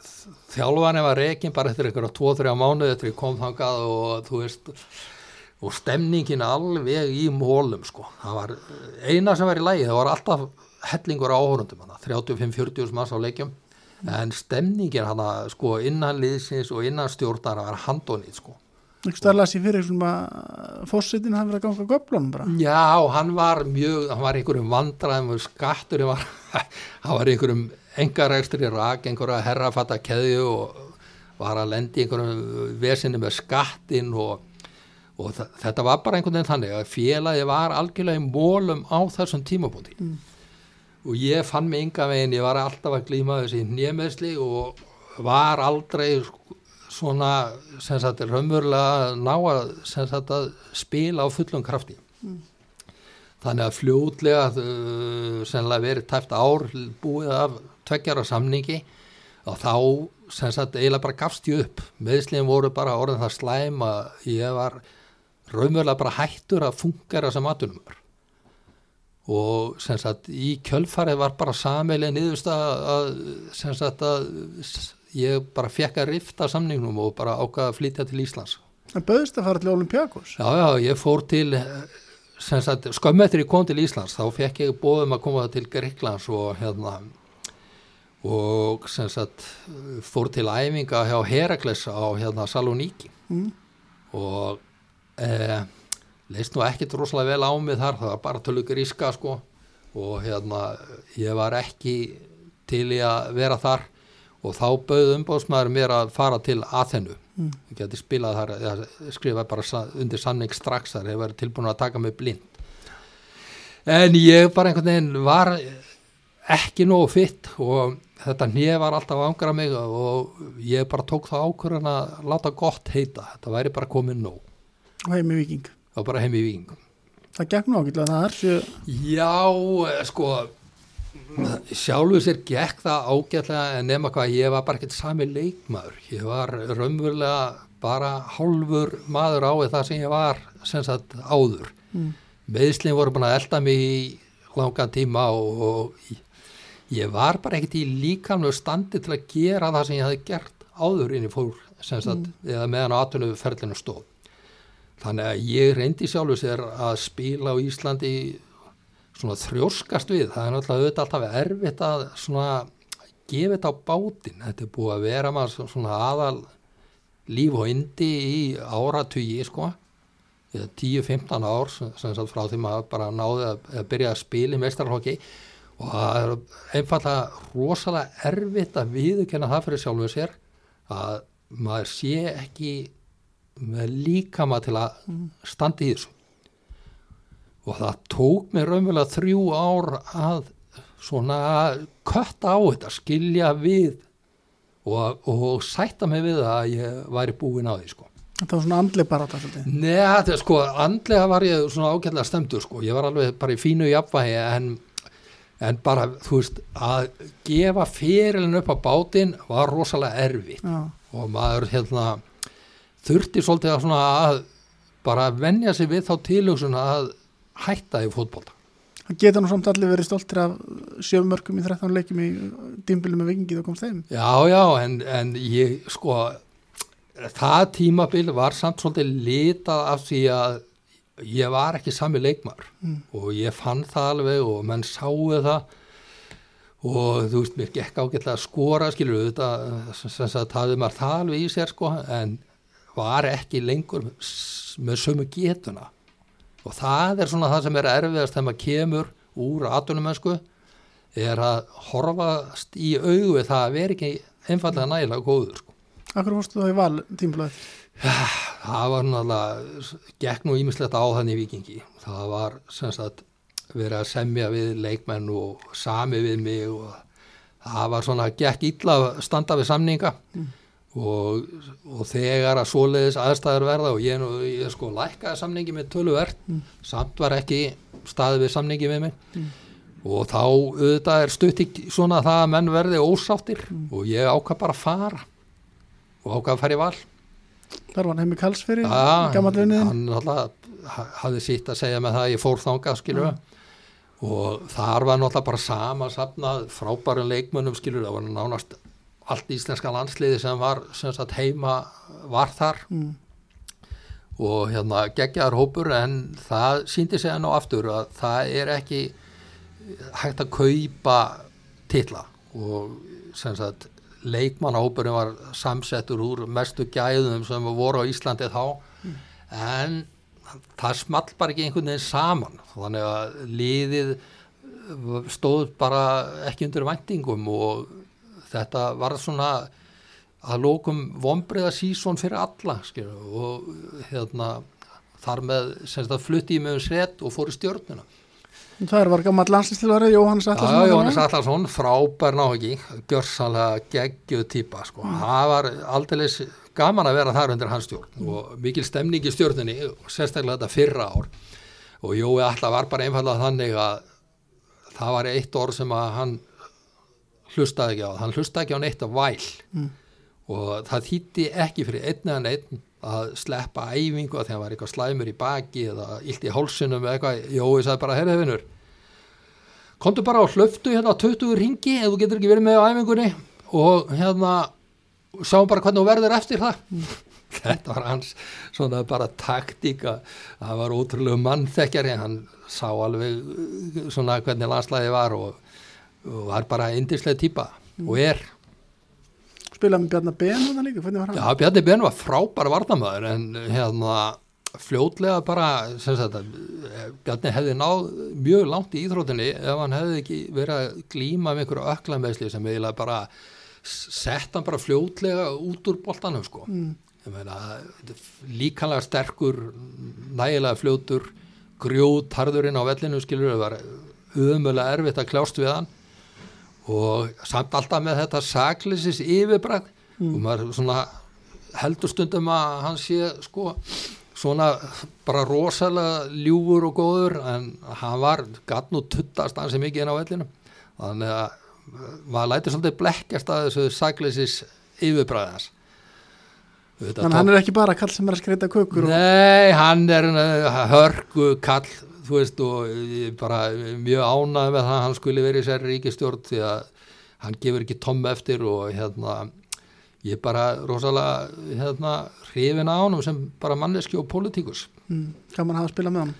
Já, ég, þó þetta hafi ekki verið nefn eitthvað eitt eða tvö sísona, þá bara, hann var bara strax, hann var miklu yngri en alltaf á þeim tíma, ég var nálgast 30 og hann var rétt skriðin yfir 20 en fórustu hæfileikanir vorum við honum í blóðbornir, maður sá það strax í hvað stemdi. Já.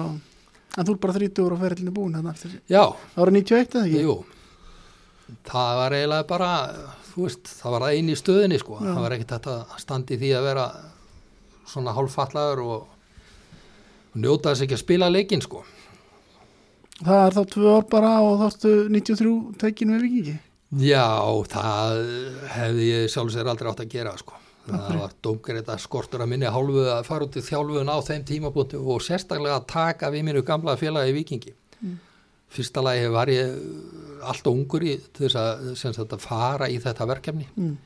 og síðan var bara tengslim við félagið þannig gegnum tíðina þú veist, ég var ólst upp þarna og leik alla semst þetta yngir flokkana og meistarflokksferilin áður fór út þarna og svo eftir ég kom heim aftur líka og ég bara held að það sé engin 30 og 20-30 ára gammal svona tilbúin í að taka svona verkefni eins og ég tók að mér það á þjálfa viking Mm. bara reynslulaus og ég gerði fullt af mistökunum sem ég hefði ekki gert í dag. Og en auðvitað þetta fór allt í reynslubankan og hérna eftir á að higgja er ég bara þakkláttu fyrir að hafa fengið að þjálfa vikingslið Fallið þetta ár og, það er líklega, það lítur nú eiginlega að vera lágpuntur á ferlinu þegar vikingu tapa 2-9 á móti í. Í, nei, ég held við höfum tapað 10-1 upp á skaga. Að Það var muni það var ennþá verra það var ennþá verra. Hinn leikurinn átti sér sína skýringar. Málið var það að við vorum mistum alla sem sagt, sem sagt félagi hafði ekki burði til að semja við neina leikmennum kaup og kjör Mm. þannig að samningarnir sem voru gerðir voru bara upp á einhverja bónusa og við mistum allan leikmannahópin nánast og ég þurfti að byrja því að búa til algjörlega nýtt lið þarna fyrir utan að einn eða tvo reynslubolta Gumma Reyðas og Gumma Steins sem voru þarna sem höfðu verið þarna áður en voru svona að fara að síga á setni hlutan á þeim. Lið sem hafa verið Íslandsmeistari tveimur árum áður. Já, það er bara ekkert að marka það því að menn þetta fóru bara í allar áttir þegar ekki voru lengur til peningar til þess að greiða mönnum laun. Mm. og nema hvað, þetta leiktíma byrjaði fyrirumferðin mjög illa og við fengum eitt stig eftir tíu leiki, það voru tíu lið, eða sem sagt nýja tíu leikin, mann ekki, það voru tíu liða dild, voru með eitt stig eftir fyrirumferð, en smátt og smátt þá unnum við okkur svona inn í leikin, við fórum að leika betur og hérna liðið þjappaði saman og menn fóru að fá sjálfströst og sem sagt á endunum unnu við þrjáleiki sindumferðinni og gerðum held ég eitt í aðtefli eða hvort við unnum fjóra, hvernig það var skiptir ekki máli. En svo var síðasti leikunum var á móti IPVF og þá áttu við ennþá tölfræðilega möguleika að halda okkur uppi.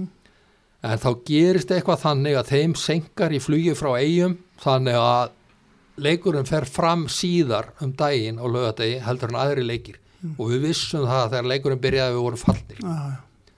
og þannig að það skýrir að öllu leiti þessi slæmu úslit sem urðu þar. Menn voru bara, bara hausin var farinn og engin stemning og þú veist, ekki að neina að keppa og liðið bara hafði enga burði til þess að klára en að síðasta leik. Hætti þá með lið og ertu þá bara í pásu? ég, ég var bara einfallega ekki endur á þinn og hérna uh, ákvað bara hverfa frá fótboltanum í einhver ár og hérna fór bara meira að vinna í kringum það að, sagt, að lýsa leikjum og var svona tengdur íþróttafrétta mennsku svona í hlutastarfi Varstu það gaman? Já, mér finnst það alveg bara bráðskemmtilegt. Ég var í mörg ára að lýsa þýska fótboltanum og stundu landsleikjum og, og var viðlóðandi bara sagt lýsingar í nokkuð mörg ár sko. Mm. Skemmtilegur heimur. Já, þetta er, þetta er lifandi heimur og þetta er gaggrínin heimur, maður fekk nú aldrei að heyra það óþveið oft maður að sem sagt að hvað maður væri ímist frábær lýsari eða ömulugu lýsari og þú veist það var, það var allur regnbógin og hérna þetta var ekkit ósvipa fótboltanum maður hérna fekk sinn skerfa gaggríni þar og, og það var líka í þessum fótboltalýsingum Ekki ánæður að það sams, voru ekki samfélagsmiðlar á þessum tíma. Já, ég held að það hefur alveg gengið frá manni. Samfélagsmiðlendur er að mínum að mm, svona fyrir þá sem eru í íþróttunum og eru svona til dæmis bæði sem íþróttamenn og líka þá sem eru að hérna, fjallum íþróttir sérstaklega þá sem eru að lýsa í sjónvarpi þá eru þeir náttúrulega bara já, ég finnst þeir bara umulegir Já. Menn eru teknir miskunalösta lífi af einhverjum vittlýsingum sem að sitja heima í ölglasi og, og telja sig vita miklu betur um allt og alla. Þannig að ég sjálfur sér ég ákvað það bara sjálfur að hætta að vera í þessari tegund af sviðsljósinu að vera á skjánum og í útvarpi og öllu því sem að því fylgdi. Ég vil spyrja það út í 96 þá tekur við afturheldingu Já, og ég hef bara ekki séð undarlegri yfirlýsingu þegar ég var að fletta þessu upp hérna að holta kjúklingu var komið til samstagsfélagið og það dæla penningum í það og það átt að fara upp nokkra deildir á nokkur árum. ekki, hver, átti ég að hafa sagt þetta? Nei, þetta var, þetta var auglýsing frá félagin eitthvað. Já, ok, ég minnist þess nú ekki að afturhelding hafi verið með eitthvað mikið fjármagn á þenn tíma. Nei, Eh, Það var bókstala einn maður sem rak knarspunu dildin á þeim tíma, hann Valdemar já, og e, það var ekki, engin umgerð og, og metnaðarinn á þeim tími Mósals, í Mósalsbænu var engin. já. En sem betur verið hefur það nú mikið breyst. Komstu lengi að það. Ég var nú bara eitt ár sko. Já, gekk vel eða? Við vorum bara ströggli í þriðudeldinni og vorum einhvers staðar í svona, ég held að við höfum verið frekar í efri hlutanum heldur en hitt sko. Já, En það var svona, þetta var svona erfitt, það var umgjörðin var ekki, ekki sérstök. Þessi peningar sem við talaði með tilkynningunum komu semst aldrei. Að þeir komu aldrei sko með kjúklingunum, það er alveg klart mál. En svo, svo gerist í rauninni ekkert í fótboltana fyrir þú tekur við stjórnum 2007 eða hvað? Nei, ég var búin að þjálfa annarflokki á stjórnunni í 2-3 ára áður. Tók við hérna öðru flokki stjórnuna sem að ég hefði nú fylst með að því nú bjóð nú í Garðabænum í, í, ég hefði fylst með þessum strákum í gegnum yngarflokkana og þeir höfðu aldrei náð almennilega festu. Ég skildi ekkit í þessu að þetta voru hérna Daniel Lagstall og Guðjan Baldursson og fleiri og og hérna hann hérna Haldur Orri og þú veist, ég skildi ekki okkur að vera ekki að búa til lið með þessa stráka innanbúrs og tók við liðinu í bjetildi hérna öðruflokki og sem sagt við urðum í öðru seti í bjetildinni fyrsta árið og komum okkur upp í atild og og setna árið sem ég var með og þá vorum við í efri hlutanum í atild en þá var nú ekki að keppum titil en vorum með geysilega skemmtilegt lið og flestir af þessum strákum fylgdu mér svo upp í vestarflokkin þegar ég tók við stjórnina á sínu tíma 2006. Í fyrstildinu þá. Já, fyrst deildin, næst efstu deild. Það átt að fara upp, þú gast á auðlýsingu fyrir mótið. Mm, Já, ég held ég hafi nú verið frekar yfirlýsingar glaður því að á sama tíma ákveði ég að keira bara nánast á þessum annarflokksstrákum og hérna fyrir utan einhverja nokkra reynslubolta sem voru fyrir. Og þar fengu flestir af þessum leikmönnum sem að sem sagt, báru svo upp stjórnulið í efstu deild nokkrum ára síðar sína eldskýrt og ég sem sagt let þá spila þrátt fyrir það að þá skorti reynslu og við vorum ekki með burð til að fara upp í efstu deild, við vorum svona rétt fyrir neða miðið þegar sísonu laug sko.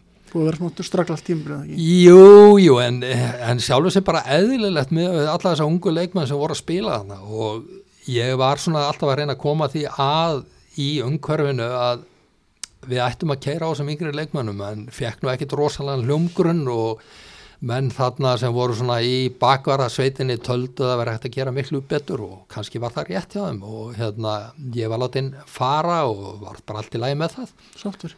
Ég var alveg sáttur, já. Ég var búin að gera það sem ég ætlaði mér, að nota þessa ungu stráka og komst upp með það.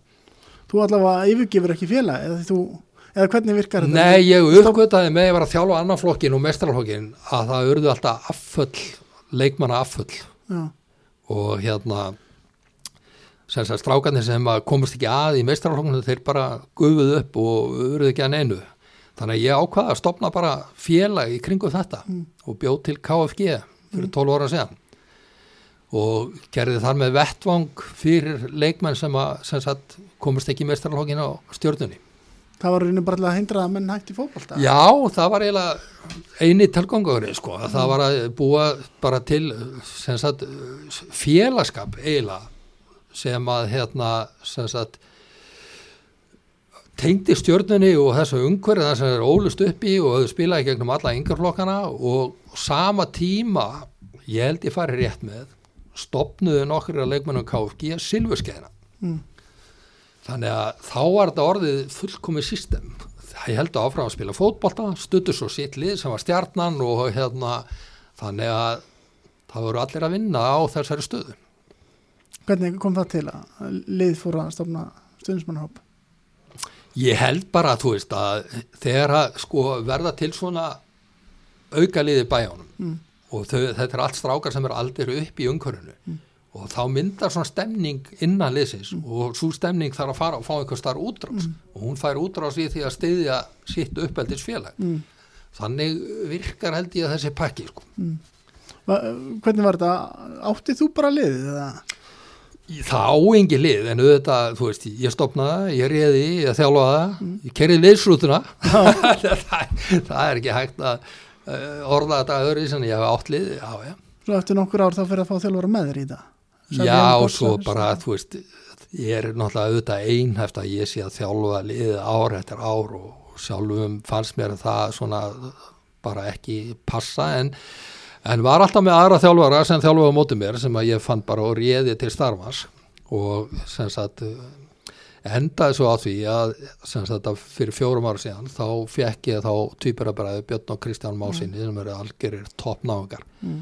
til að sem sagt að þjálfa þetta móti mér. Og við þjálfum þetta saman bara þessi síðustu fjögur ár og, og árangurinn var bara mjög fýtt sko Eitt árið varstu líka með Sali heim Bossa. Já, Sali Heimir Porsa þjálfaði hann eitt árið og Sali Heimir er alveg úrvalstjálfari en uh, svona ég, hann átti mjög erfitt með dómara þessa lands og það reyndi mjög á mig að, að vera alltaf að reyna að halda honum rólegum og dómurunum rólegum þannig að á einhverjum tímapunkti þá var þetta ekki bara að ganga upp ég gat ekki staðið í því að vera einhver sáttasemjar í 90 myndra hverjum einasta leik millir hans og dómarna Það voru læti sem sagt.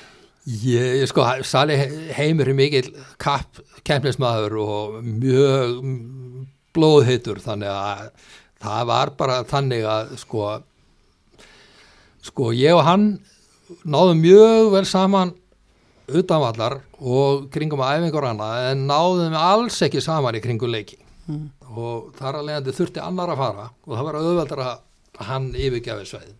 Fyrst gafst honum kveðjuleik. Hvað séru? Gafst honum kveðjuleik samt fyrst. Já, já, hann kom inn á hana í lokin á sínum þjálfaraferli, hann fekk að spila Okkur á hann, hann var alltaf að halda því fram að hann væri fullfærum að spila í þessari dild Mm. Og svo leita hann ekkert sérstaklega út þegar hann kom inn Þið eru ekki aldrei langað þess að prófa sjálfur að spila með þessi liði. Nei, ég er náttúrulega bara uh, tjónaður ég er skráður í afturheldinga að þá sem Já. leikmaður en ég er náttúrulega ófærum að sparki bolta eins og flestir af þeim sem hafa farið í gegnum aðtunum með skuðu knaspinu það er ekki mjög svona vænlegt fyrir efri árin Hafður ætlaðir að spila með afturlíka af hverju skiptir þið? Ég bara gerði spilandi þjálfari sko. Það var þannig, já. Þú spilaði með veist- sem var. spilaði einn eða tvo eða þrjá leiki sko, kom inn á og Já. mér setti mark fyrir afturöldingu í, í Njarvík þegar að, hérna, við unnum þá eitthvað þrjútu og ég skoraði úrslita markið setti sjálf á minna það var alveg En þú getað eitthvað eftir nokkur ára fyrir fólk. Nei, ég var, þú veist, ég var bara tjónaður í njánum, þú veist, það var bara eitthvað sem að ég böðlaðast með í gegnum mína, minn fótboltaferil, stundum komu góðu tímar og svo svona seinustu árin þá var þetta alltaf verra og verra og ég, sem sagt, var bara, þú veist, hvorki fuglni fiskur svona undir það síðasta. Voru eitthvað minni læti þér heldur en Sali heim Bossa á liðlinni. Eh, sko ég- á auðvitað ekki vera gaggrina hann því að ég veit að dómarar á landsbyðinni þeir fagna því mjög að þurfa ekki að hitta mig á næstu leiktíð þeir, þeir eru mjög gladir með það að Lárus hafi lagt, lagt þjálfara hanskar eða þjálfara dæmið á hilluna. Ertu svona orðljótur eða leiðilegur ég held ég sé bara einhvern veginn ég hérna, upplifið það alltaf að sé vera að dæma á móti mér. Já, og það er svolítið erfið tilfinning. Þér finnst þú alltaf vera beittur ósangenni Mm. og ég er svona já, ég þóli illa að tapa.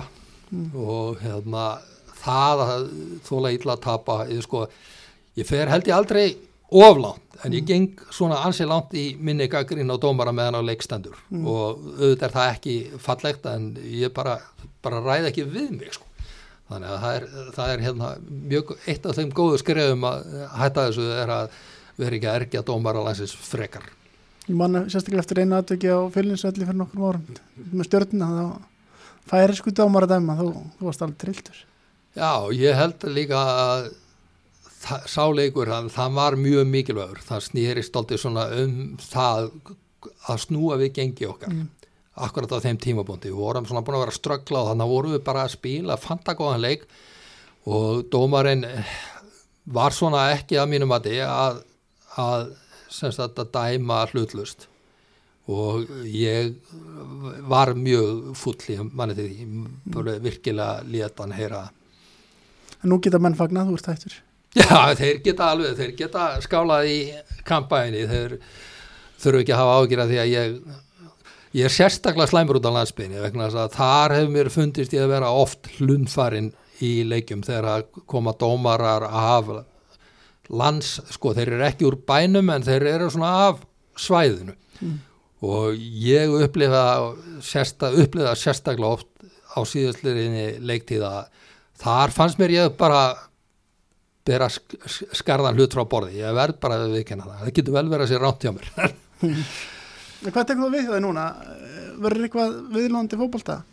Ég er, nei, hugsi ég verði lítið viðlóðandi fókbaltan ég auðvitað fylgi mínu liði sem er KFG og hérna verður í þriðdeldina næsta hérna, leiktímabili. En ég er svona aðalega þessa dagana að bara fókusera á reksturinn á mínu fyrirtæki mm. sem er náttúrulega eh, allt í orra hríð hérna í íslenska hagkerfinu þannig að það veitir ekki að vera með 100% fókus þar Þú ert í auðlýsingabransanum Já, ég sagt, er í auðlýsingabransanum og svo er ég líka að reyka annað fyrirtæki sem er með vefverslanir í, í hérna, helsuvörum mm. og þannig að það er bara mjög mikið umstangi í kringum það allt saman mm. og svo þetta þarf maður að sinna bandaböndunum það er upp forgangsadrei Má búist þið að sjá því stúkunni hjá vikingunum líka sem er? Já, ég geti alveg, þú veist, það er allt öðru sem maður er ekki á kafi í þess að þjálfa alla daga þá er maður afslappari og hérna bara nýtur þess að, þú veist, að vera svona hálf hlutlus og mm. kíkir þá og leiki hér og þar. Lítur ekki á þessum vikingan þá í dag? Eh, ég er bara tvískiptur, ég mm. líti á mig bæði sem viking og stjórnum á mig. Já. Ég er náttúrulega tengstjórninni mjög stert mm. síðustu árum og eftir að hafa búið í 20 ára meir í Garðabæ. Og hérna þannig að svona vikingurum er svona og hjónaband sem að hefur svona gengið mislegt á í mm. meðan að stjarnan er svona eins og skildmenni sem að maður hefur svona hýttir reglulega og, og á góða stundi með en, en hjónabandi var svona gekku upp og á hann Þetta eru góð lókar, takk fyrir spjalli Sömulegs Bye.